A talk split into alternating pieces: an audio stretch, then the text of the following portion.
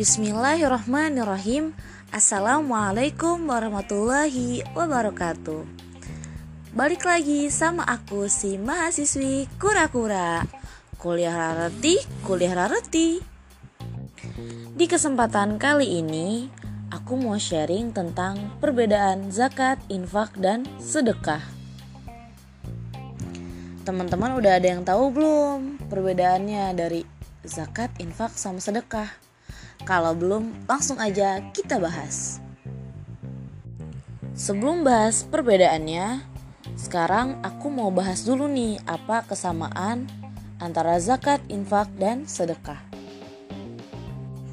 Persamaan yang pertama adalah zakat, infak, dan sedekah adalah donasi sosial dan transaksi sosial, bukan bisnis, bukan juga komersial.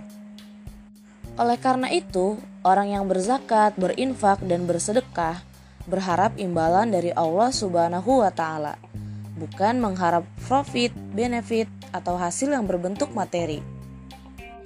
Oleh karena itu, pahala dari Allah Subhanahu wa Ta'ala adalah yang menjadi imbal hasil bagi seseorang yang berzakat, berinfak, dan bersedekah.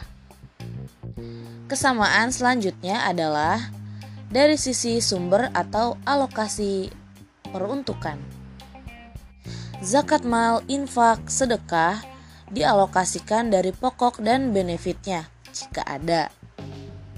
Nah, tadi adalah kesamaan antara infak, zakat, dan sedekah. Sekarang kita akan membahas perbedaan dari zakat, infak, dan sedekah. Ada beberapa perbedaan antara zakat, infak, dan sedekah. Yang pertama dari aspek hukum. Zakat atau zakat mal hukumnya wajib, seperti halnya zakat fitrah. Ditunaikan mendapat pahala, jika tidak ditunaikan maka berdosa. Beda halnya dengan infak dan sedekah, yang hukumnya sunnah, berpahala jika ditunaikan dan tidak berdosa ketika tidak ditunaikan. Perbedaan selanjutnya dari aspek peruntukan. Zakat mal diperuntukkan untuk delapan golongan, sebagaimana ditegaskan dalam Al-Quran. Di antaranya terdapat fakir, miskin, visabilillah, orang yang terlilit utang, mu'alaf, hamba sahaya, dan sebagainya. Berbeda dengan infak dan sedekah, yang diperuntukkan untuk para duafa juga orang yang membutuhkan. Nah, kesamaan dan perbedaan ini sesuai dengan nas-nas Al-Quran, regulasi di Indonesia tentang zakat dan wakaf. Di antaranya firman Allah Subhanahu wa taala, "Wa aqimus shalah wa ita'uz zakah."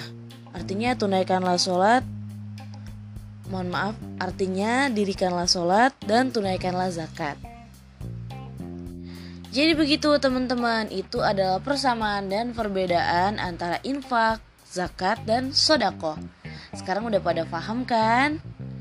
Nah, jadi kalau emang ada kelebihan uang, jadi mari kita bersodakoh dan berinfak. Dan kalau kita punya harta yang nisobnya udah cukup, maka kita diwajibkan untuk mengeluarkan zakat atau zakat mal. Oke, mungkin cukup sekian sharing kita kali ini. Kurang lebihnya mohon maaf. Bila taufiq wal hidayah. Wassalamualaikum warahmatullahi wabarakatuh. See you di next podcast aku.